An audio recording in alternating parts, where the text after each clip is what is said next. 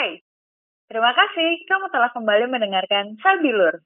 Saatnya berbincang, Lur.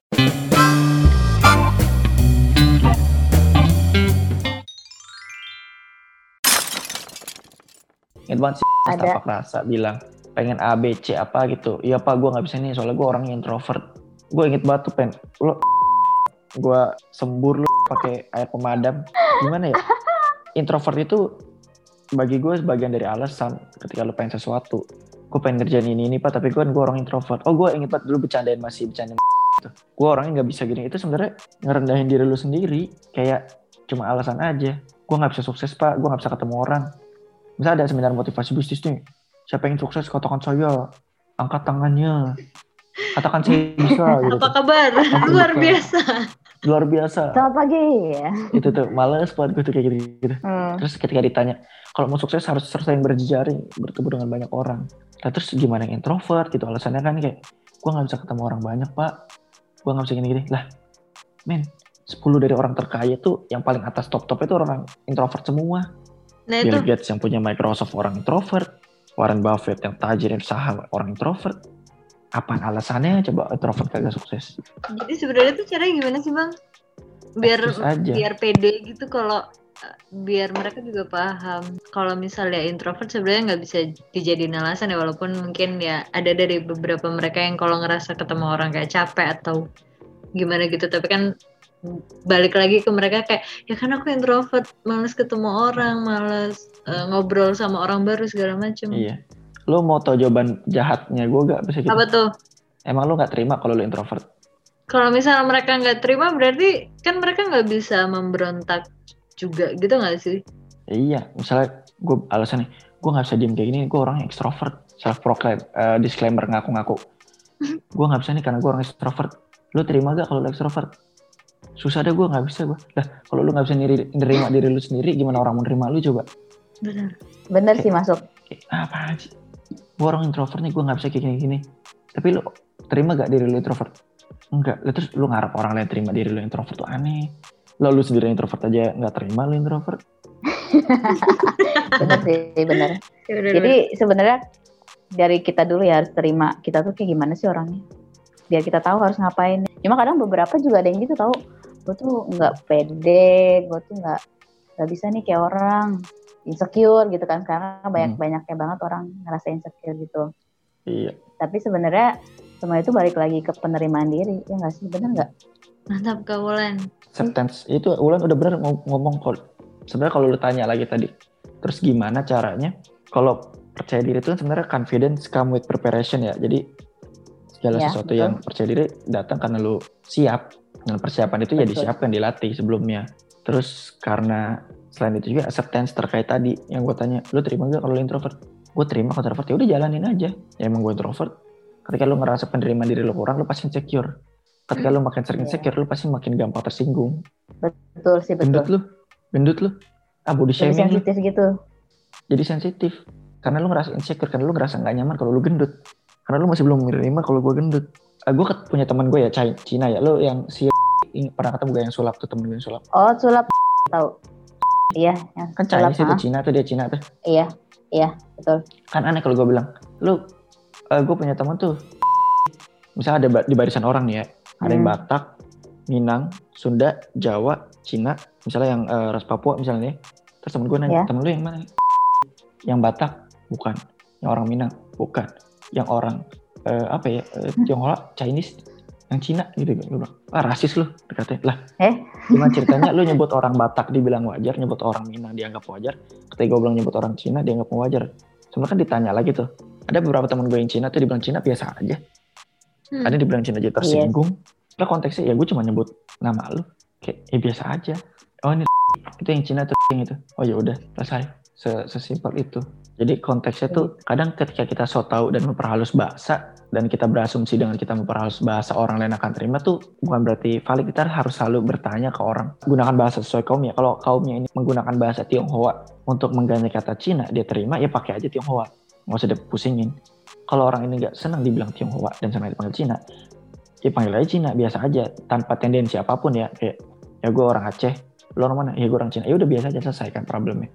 Tapi ketika dia misalnya gue orang Aceh nih terus gue ngerasa nggak terima dibilang Aceh lu Aceh ya kok lu bilang-bilang gue Aceh sih. Karena gue insecure mungkin. Hmm. takut dianggap oh nih sorban nih kaum kadal guru nih serambi Mekah sok-sok religius misalnya gitu ya. Gue insecure gue tersinggung dong. Oh Aceh lu ya? Emang apa kalau gue Aceh? Kan gitu bisa ya gue sautin ya Iya. tapi kalau gue ya emang gue Aceh? Apa emang? Insecure kalau- hilang self acceptance ada.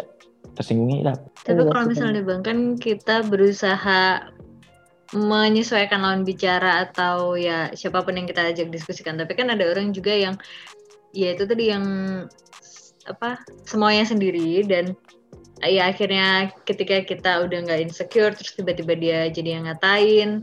Nah itu sebenarnya problemnya di mana ketika kita udah berusaha baik nih sama orang ya kan berusaha eh, nggak insecure, berusaha menerima diri sendiri, terus juga menyesuaikan dengan perilaku dan bahasa mereka segala macam, tapi mereka yang nggak ngerti kan dia kesel juga kan. Sebenarnya itu masalahnya di mereka kan, tergantung kita terima atau Iya. enggaknya.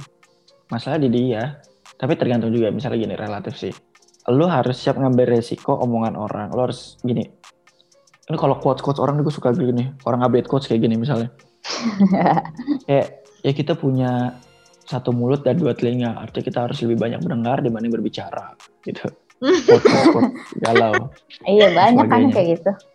lebih banyak mendengar eh, dibanding berbicara. Artinya ya udah kita harus mendengarkan banyak orang dulu baru berbicara. Nah kedua adalah tambahan quotes itu harus ditambahin ya. Lu punya tangan cuma dua, artinya dibanding lu nutup semua mulut orang-orang ya lu mending tutup kuping lu sendiri. Hmm. Tuh harusnya quotes itu tuh dijadiin satu tuh gabung tuh. Quotes yang pertama yang Hmm. suka di update orang galau, kita punya lebih eh, kita punya dua telinga dan satu mulut. Artinya kita harus lebih banyak mendengar dibanding bicara. Ada quotes yang lain nih Iya. kita tidak bisa menutup mulut semua orang, tangan kita cuma dua, maka kita cuma bisa menutup kuping kita. Gabungin ini dua quotes jadi satu nih. Cut. Kita cuma punya dua telinga, artinya harus lebih banyak mendengar, dan kita cuma punya satu mulut. Dan Ya. artinya, kita tidak bisa menutup mulut semua orang, dan dengan dua tangan kita, kita hanya bisa menutup dua telinga kita yang sebelumnya. Kok jadiin satu? Nah kalau orang-orang misalnya, eh, temen lu Hani, cuma, terus masalahnya di siapa? Lu nggak bisa berusaha menghindar dari orang-orang yang ledekin lu padahal mungkin menurut lu itu super masalah di dia gitu loh. Orang jelek. Terus ada misal cowoknya jelek nih, definisi jelek nih. Anggaplah menurut lu jelek nih. Menurut lu ini subjektif, selera dong. Lu nggak perlu perdebatkan selera. Subjektif. Hmm. Ini cowoknya jelek nih. Terus dia nggak deketin lu misalnya. Terus lu nggak mau misalnya karena bukan selera lu. Sesimpel itu aja. Terus dia ngerasa kayak nggak terima gitu marah. Lah emang kenapa sih kalau gue jelek? Lu nyari yang ganteng emang? Lah ya iya emang. Terus masih dia ngata-ngatain lu kayak, lu sombong lu. Ya Allah. cakep lu apa aja. Lah ya udah. Ini orang- kenapa sedikit relate ya dia cenayang atau gimana sih Kak sebenarnya? Jadi Faji seperti aneh. mengetahui gitu ya. karena aneh aja lu kayak lah kan kalau gue nyari yang ganteng terus nggak gue nggak dapat kan resikonya di gue bukan di dia Mm-mm. apa jadi dia marah-marah standar gue bukan gue nggak maksa lu standar gue kan nyuruh lu jadi ganteng gue cuma bilang ah, lu bukan selera gue lu jelek misalnya. Meskipun lu nggak ngomong secara langsung lu jelek lu bukan selera gue sorry itu sih terus masa lu bilang ah lu banyak nyari yang ganteng? Lah emang gue nyari yang ganteng. Kok nggak lu tanya balik aja lu bisa berubah jadi ganteng nggak? Kalau dia bilang bisa. Ya udah coba. Kalau lu masih balik lagi jadi jelek ya gue tetap gak bisa terima. Kalau bisa ngubah jadi ganteng ya berarti lu gak perlu marah-marah. Maksudnya kita udah jelasin ya kan baik-baik. Hmm. Tapi kan tetap aja dia nggak bisa nerima kenyataan yang ada gitu loh. Tetap kita aja kita berpikir kita berpikir bahwa dia nggak bisa nerima dirinya sendiri tapi kita juga harus belajar bahwa kita harus nerima punya teman kayak dia gitu Iya, kan. iya benar. resiko Yang paling kalau lu mau sih emang temenin kayak ya gitu ya. Iya. kalau lu mau kalau mau- kan resiko Ya. kalau gue ya karena gue kadang ada beberapa hal yang sifatnya logis nih ini nggak bisa nih ini ada yang harusnya ini pakai perasaan yang berkaitan dengan adab ada eh, hal-hal ini contoh deh misalnya di rumah lu nih Bulan rumah lu komplek bukan sih? Rumah gua masuk gang bukan komplek. Nah masuk gang. Gang jalan depan rumah lu muat dua mobil gak? Enggak. Enggak, satu mobil pas. Enggak juga kan?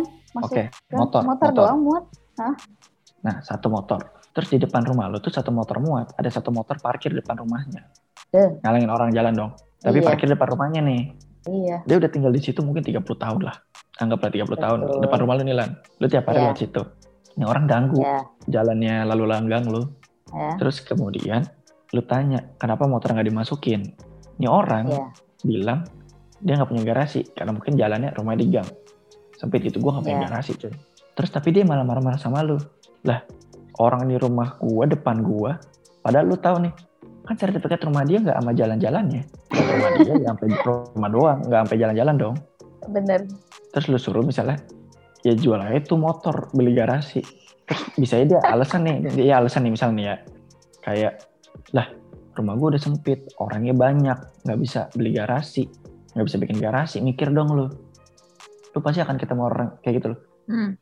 iya. kira-kira respon lu gimana digituin sama orang? Mikir dong lu. Lu nasihatin dia malah nyuruh lu mikir dong lu. Iya malah jadi kita yang dimarahin. Ya kalau lu jawab gimana ya? balik aja ya, lu yang mikir. Motor lu garasi lu. Kebanyakan tuh orang-orang tuh burden of proof. Logiknya ada eh, di salah satu ketika lu belajar critical thinking. Ini bukan dipelajari sih di sering-sering dilatih ngobrol sama orang ada Ya. kesalahan pola pikir orang yang eh, beban pembuktiannya itu disampaikan kepada orang lain jadi harusnya dia yang mikir tapi nyuruh orang lain yang mikir Misalnya gue Hmm. ngasih contoh lain ya, Eh, Hani, gue kemarin main PS nih ya, gara-gara semalam gue dapat wahyu dari malaikat harus ngabisin game ini dalam 8 jam hari ini. Lu percaya gak? Ngapain apa hubungannya? Gak percaya kan lu? Kalau Nggak. percaya tanya aja sama malaikat. kan dia ngasih gue wahyu. Lah gimana Kan gak bisa dong. Hmm. Kita berpikir iya bahwa seolah-olah kalau kita dibilang kayak gitu, terus kita bingung nih gak ngerti cara balesnya. Karena terbiasa dilempar ke orang lain. Yang harus kita sadar adalah kita harus sadar dulu masalahnya apa. Oh masalah dia adalah dia ngomong sama malaikat nih. terus kita ngerasa itu jadi masalah gak ketika itu dilemparkan ke kita. Nah, kita harus sadar bahwa masalahnya itu bukan di kita, bukan kepada dia ngomong sama malaikat. ya. Masalahnya adalah dia tidak bisa membuktikan bahwa dia ngomong sama malaikat. Hmm. iya Kenapa dia nyuruh ke kita? Bahwa sebetulnya kita harus sadar dulu masalahnya adalah di mana-mana orang yang ngomong itu ngeluarin statement adalah orang yang harus membuktikan. betul Lu jelek deh, Betul. Lah apa buktinya? Lu gendut deh, ulat. Lah apa buktinya? Misalnya gua nggak bisa nyodon apa bukti-bukti apa-apa, ya lu tanya aja sama diri lu sendiri. Lah, orang lu yang ngomong Eh? ke gua kayak gitu, masa lu nyuruh nanya gua? Lu jelek deh terus. Terus gua tanya, lah apa buktinya? Ya lu coba lihat ngaca diri sendiri. Kagak gua ganteng-ganteng aja, gua nggak ngaca. Biasa-biasa aja. Ya lu buktiin aja ke orang-orang. Lu buk tunjukin bukti ke gua. Kalau gua ditanya, lu tanya sama malaikat, ya lu buktiin, lu bisa gak ajak malaikat ke sini. Lu gituin balik.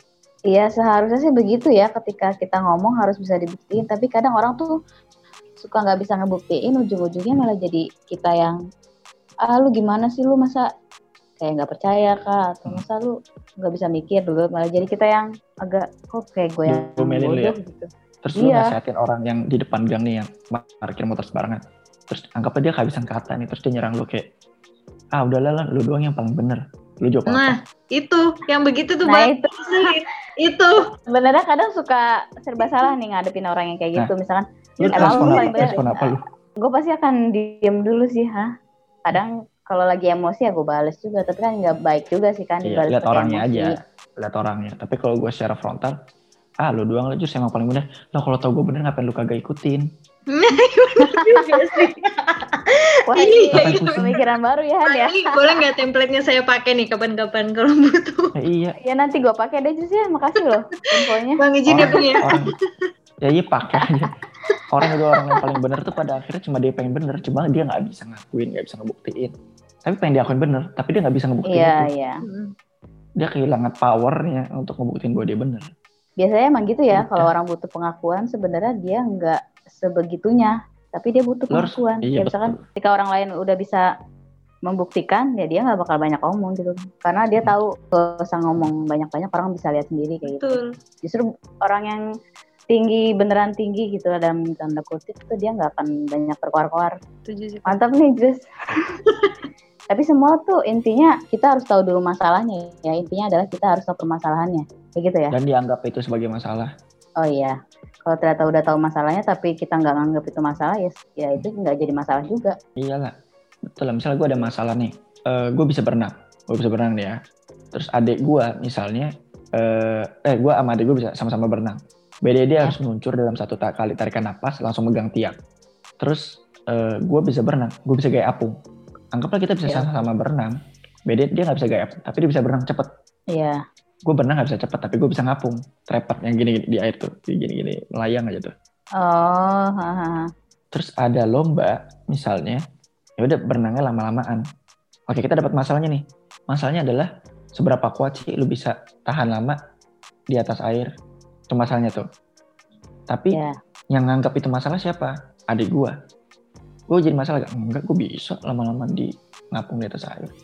Adik gue sama-sama jago berenang kayak gue. Wah itu masalah anjir. Gue nggak bisa lama-lama di atas air kayak gitu. Ngebut bisa.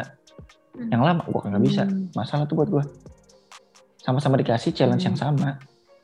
Tapi penganggapan masalahnya itu beda. Sama kayak Oh, lu ketemu Sandiaga Uno nih. Lu jalan berdua. Wulan misalnya sama Hani, lu berdua nih. Ketemu Sandiaga Uno di tengah jalan. Lu mau diajak makan misalnya di Hanamasa deh yang simpel-simpel Hanamasa. Terus Enak. kayak di Hanamasa, lu belum pernah di Hanamasa emang? Ajak Udah, minta ini cari Sandiaga Uno diajak makan. ah, Misalnya, nanti ya, Han misalnya, ya, iyo, kita undang. terus misalnya anggaplah ada kacau, mantap juga lu. Oke, oke. Anggaplah Ya, misalnya lu? Hanamasa ada rules nih. Sekali masuk waktu 90 menit makan dengan biaya sekian. Harus habis nggak boleh ada sisa. Kalau ada sisa akan ada denda. Anggaplah 200 ribu ya Hmm. sekali makan. All you can eat. Hmm. Kalau lu Ya. keluar, dianggap udah selesai. Ya, 200 ribu nih. Hmm. Terus ya oke nggak masalah. Lu bisa bayar misalnya. Ya lu Iya. makan. Sandiaga Uno makan. Hani makan. Terus kemudian lu ada yang pengen pipis kebelet. Pengen keluar aja dari situ tuh. Terus Sandiaga Uno keluar. Masuk lagi dia. Makan. Terus sekarang pengen pipis lagi. Keluar lagi. Masuk lagi. Lu pengen keluar. Mikir. Anjir duit gue cuma buat makanan masing misal cuma sekali. Jadi masalah buat lu. Bagi dia nggak Iya. masalah. nggak ngaruh apa-apa di gue. Ya gue keluar bayar lagi aja. Beda aja di duitnya. Terus misalnya lu Iya. ditanya sama Sandiaga Uno. Eh lihat-lihat mobil yuk. Mobil Ayla nih. 120 juta. Terus kita berpikir. Anjir mahal banget. Mobil segitu 120 juta. Gue masih harus mikirin. Cicilan kontrakan, listrik, rumah, tanggungan biaya hidup. anak. Terus bagi dia murah-murah aja. Jadi kayak iya, relatif iya, banget. iya. Lu bilang mahal, sebenarnya nggak mahal. Lu aja yang nggak ada duit gitu loh. Iya betul. Lu ada duit, enggak juga nggak mahal. Nah, Iya, terus iya. kayak masalah lainnya nih, ketika gua nganggap itu bukan masalah. Ini BBM nih harus naik nih. Ya, Bagi teman-teman PNS ada tunjangan transportasi misalnya di DPR ya. BBM naik atau Betul. enggak, transportasi lu dapat tunjangan. Bagi warga yang menengah Iya. ke bawah, BBM naik atau enggak, dia harus ngeluarin kos lebih. Terus ada masalah nih, negara kita kekurangan biaya. Maka dengan cara menutup subsidi BBM. Bagi orang-orang mereka, nggak masalah bagi gua. Wah, negara kekurangan uang, itu masalahnya. Terus iya. ternyata dengan menutup subsidi BBM, nggak, nggak masalah juga bagi gua. Ya, it's okay. Bagi yang lain, jadi masalah baru. Oh, Kono. iya, iya. Jadi memang Dan ngomongin apa coba kita kita? ya. Ngomongin masalah. Mantap. Jadi masalah itu terjadi ketika kita merasa itu adalah masalah. Kalau enggak, Iya. ya enggak masalah gitu kan. Tapi beda-beda ya masalah tiap orang.